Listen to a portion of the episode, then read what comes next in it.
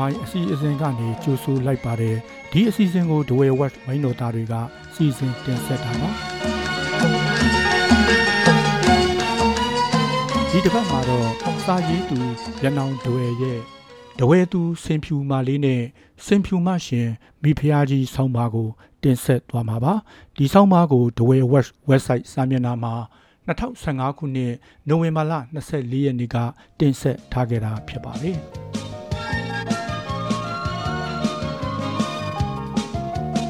တဝဲသူစင်ဖြူမလေးနဲ့စင်ဖြူမရှင်မိဖုရားကြီး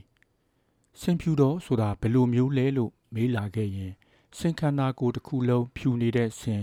မျက်မြင်အားဖြင့်အဖြူရောင်အစင်းရှိတဲ့ဆင်ကိုစင်ဖြူတော်လို့ခေါ်တယ်လို့ပဲဖြေကြမှာပါ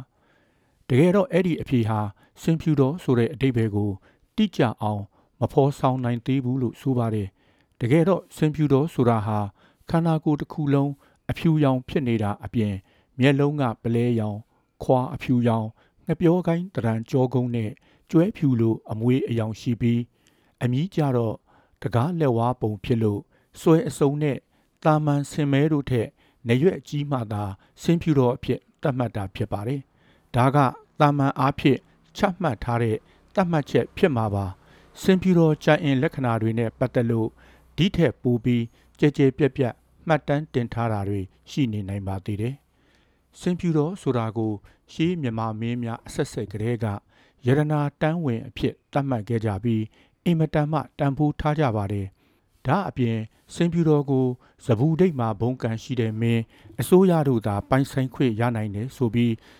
ယုံကြည်ထားကြသေးတော့တချို့ဘရင်များကမိမိဘုံတကူအာဏာရှိကြောင်းပြသနိုင်ဖို့အတွက်စင်ဖြူများစွာကိုပိုင်ဆိုင်လိုလာကြတော့တာပါ။ သမိုင်းမှတ်တမ်းတွေမှာအထင်အရှားတွေ့နေရတဲ့စင်ဖြူတော်ရလိုမှုကြောင့်ဖြစ်ပွားခဲ့တဲ့စစ်ပွဲများဟာလည်းအဲ့ဒီခေတ်ဘရင်များရဲ့စင်ဖြူတော်အပေါ်တန်ဖိုးထားလွန်းတာကိုသက်သေပြလို့နေပါတယ်။စင်ဖြူတော်ပိုင်ဆိုင်ခွင့်ရတဲ့ဘရင်များကတော့ငါးစီးရှင်၊တစည်းရှင်၊စင်ဖြူရှင်စသဖြင့်ဘွဲ့တွေခံယူလို့ရာဇမန်တွေတက်နေကြသေးတာပါ။ဒါကတော့ပဒေသရစ်ခေဘရင်များရဲ့စင်ဖြူတော်အပေါ်တန်ဖိုးထားမှုတွေကိုအပေါ်ယံအားဖြင့် ဖော်ပြတာဖြစ်ပါတယ်။ယေရနာပုံခေတ်မှာမင်းတုံမင်းတရားထံကိုဒဝဲနယ်ကနေစင်ပြူတော်တစင်းဆက်တာဘူးတဲ့အကြောင်းတမိုင်းစိတ်ဝင်စားသူတိုင်းတီးပြီးသားဖြစ်လောက်ပါတယ်။မင်းတုံမင်းလက်ထက်မှာမြမပြည်အရရက်ကစင်ပြူတော်တွေကိုဆက်တာကြတယ်လို့သိရပါတယ်။စင်ပြူတော်တွေဆက်တာတဲ့ဒေတာအလုံးနီးပါးကမြမဘရင်မင်းတုံမင်းကြီးရဲ့လက်အောက်ခံနယ်တွေကပါပဲ။ဒါပေမဲ့လည်းဒဝဲဒေတာကတော့အဲ့ဒီအချိန်က အင်္ဂလိပ်လက်အောက်ကိုကြားရောက်နေခဲ့တဲ့ဒေတာတစ်ခုဖြစ်ပါတယ်။အဲ့ဒီအချိန်ကဒဝဲဒေတာဟာအင်္ဂလိပ်လက်အောက်ကိုကြာရောက်နေပေမဲ့လည်းဒဝဲသားများအနေနဲ့မြမဘရင်အပေါ်တစ္ဆာကိုစောက်တည်ယူသေးတဲ့အနေနဲ့ကိုဒေတာမှာပေါ်ထွန်းခဲ့တဲ့စင်ဖြူတော်ကိုရတနာပုံနေပြီးတော့အရောက်ခက်ခက်ခဲခဲတွားရောက်ဆက်တာခဲ့တာအတော်ပဲအံ့ဩဖို့ကောင်းပါတယ်ဒါဟာကျွန်တော်တို့ဒဝဲသားတွေအတွက်ဂုံယူစရာတစ်ခုလဲဖြစ်ခဲ့တာပါ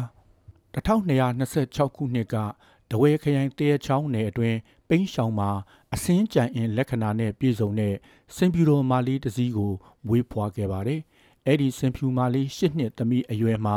ဦးရွှေခိုင်နဲ့ဦးမြတ်ဖော်တို့ကမြမဘရင်ကိုဆက်တာဖို့အတွက်မူလပိုင်ရှင်တွေစီကနေဝယ်ယူသွားကြတာဖြစ်ပါတယ်။အဲ့ဒီအချိန်ကဒဝဲဒေသအပါဝင် တနင်္သာရီတတိုင်းလုံးဟာအင်္ဂလိပ်လက်အောက်ကိုကြာရောက်နေခဲ့တာပါ။ ဒါပေမဲ့လည်းစင်ဖြူတော်ကိုတန်ဖိုးထားတတ်တဲ့မြမဘရင်ကို အင်္ဂလိပ်နယ်အတွင်းကနေပြီးဗရစ်နေပြီးတော့အရောက်စင်ဖြူမာလေးကိုတွားရောက်ဆက်တာတယ်လို့သိရပါတယ်။အဲ့ဒီလိုတွားရောက်ဆက်တာရာမှာဒေသခံရှိတဝဲသားကြီးတွေအနေနဲ့အခြေအနေကိုတိမ်မွေ့ညင်သာအောင်ကင်တွယ်ပြီးလှုပ်ဆောင်ကြရပုံပေါ်ပါတယ်။ဒါကြောင့်လဲထိထိမထိမောင်ရွှေညိ ပေါ်ပေါ်မပေါ်ငမြတ်ဖို့မစီမဆိုင်ငရွှေခိုင်ဆိုတဲ့စကားလေးတွေပေါ်ပေါက်လာတာဖြစ်မှာပါ။ထိထိမထိနောင်ရွှေညိဆိုတဲ့အတိတ်ဘယ်ကဒီလိုပါဥရွှေညိဆိုတာစင်ဖြူတော်ပေါ်နေတာကိုစာပြီးသိရှိတဲ့သူဖြစ်ပါတယ်။ဒါပေမဲ့လည်းအင်္ဂလိပ်လက်အောက်နယ်ကနေစင်ဖြူတော်ကိုမြန်မာဘရင်စီတွားရောက်ဆက်တာရင်အင်္ဂလိပ်အစိုးရညိုညင်မှာစိုးတာနဲ့အဲ့ဒီစင်ဖြူတော်တည်င်းကို မထိတထိတာထုတ်ဖော်ခဲ့ရတာကိုဆိုလိုတာပါ။ ပေါ်ပေါ်မပေါ်ငမြတ်ဖော်မစီမဆိုင်ငရွှေခိုင်ဆိုတာကြတော့ဦးမြတ်ဖော်ဟာစင်ဖြူတော်ပေါ်တဲ့အကြောင်းဖော်လိုက်ဖုံးလိုက်နဲ့မရဲတရဲဖြစ်နေတော့မှငွေကြေးတက်နိုင်တဲ့ဥရွှေခိုင်ကဂျားကနေမစီမဆိုင်ပဲစင်ဖြူတော်လေးကိုငွေနဲ့ဝယ်ယူသွားပြီးမြမဘရင်ထံသွားရောက်ဆက်တာခဲ့ကြောင်းဆိုလိုတာဖြစ်ပါတယ်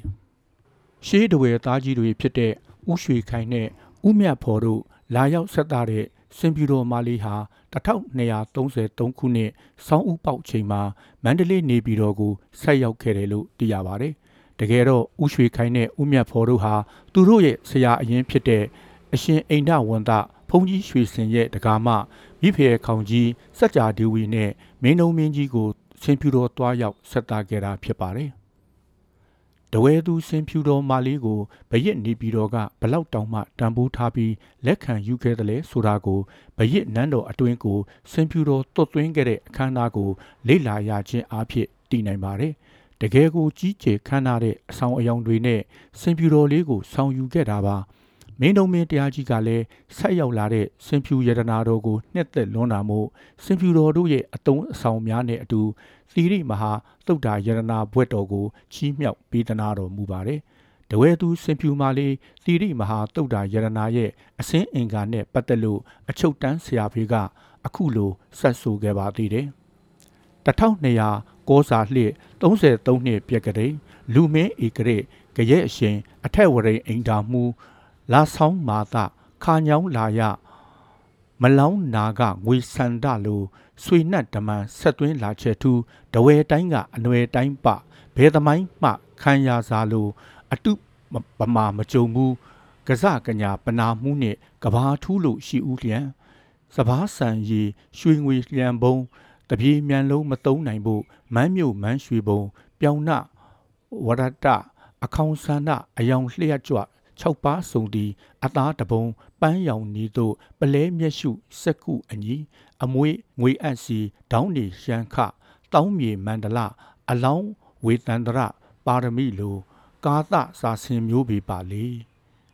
တဝဲမျိုးကစင်ပြူတော်မာလေးကို နေပြည်တော်ကိုဆက်ရောက်ပြီး9နှစ်အကြာဖြစ်တဲ့1238ခုနှစ်မှာမိဖေရဲ့ခေါင်ကြီးစัจ जा ဒီဝီနတ်ရွာဆံပါတယ် ထုံးစံအဖြစ်အလဲနန်းမိဖုရားကိုနမ်းမတော်ကြီးစัจ जा ဒီဝီရဲ့အရိုက်အရာပေးသနာပြီးမိဖုရဲ့ခေါင်ကြီးအဖြစ်တင်မြှောက်ရမှာဖြစ်တယ်လို့ဆိုပါတယ်။ဒါပေမဲ့မင်းတို့မင်းကြီးအနေနဲ့အရှင်နမ်းမတော်မိဖုရဲ့ခေါင်ကြီးအရိုက်အရာကိုဘယ်မိဖုရားကိုမှအနှင်းလိုခြင်းမရှိခဲ့ပါဘူး။မင်းတို့မင်းကြီးဟာတစ်ဖက်ကအလဲနန်းမိဖုရားအနေနဲ့မိဖုရဲ့ခေါင်ကြီးအရိုက်အရာကိုအနှင်းမခံရလို့ရှက်စိတ်နဲ့ဝမ်းနဲ့နာကြီးသွားမှာကိုလည်းယဉ်မိပါတယ်။ ဒါကြောင့်အလဲနန်းမိဖုရားကိုအက်ကမဟေသည်မိဖုရားခေါင်ကြီးအဖြစ် မအနှင်းနိုင်ခဲ့ပေမဲ့လည်း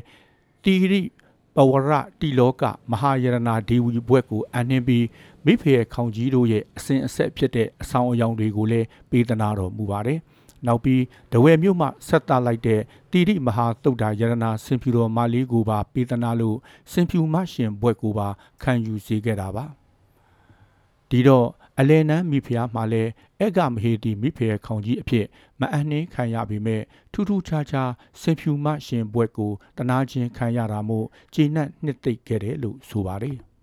တဝဲသူစင်ဖြူရှင်မာလေးတီရိမဟာတုတ်တာယရနာဟာယရနာပုံနေပြည်တော်ကိုဆိုက်ရောက်ပြီး14နှစ်အကြာဖြစ်တဲ့1248ခုနှစ်ပထမဝါဆိုလမှာကံကုန်ခဲ့ပါတယ်။သီဘောမင်းပါတော်မမူခင်9လောက်လောက်အလိုမှာပါ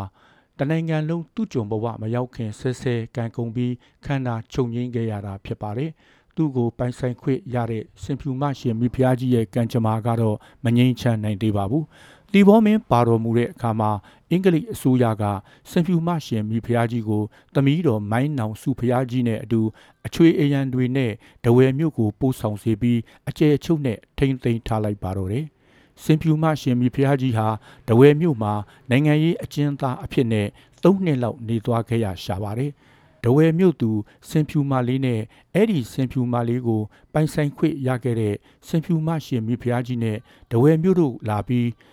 ရည်စက်ဆုံလိုက်ပုံကတကယ်ကိုအအောလောက်ဆရာပါပဲ။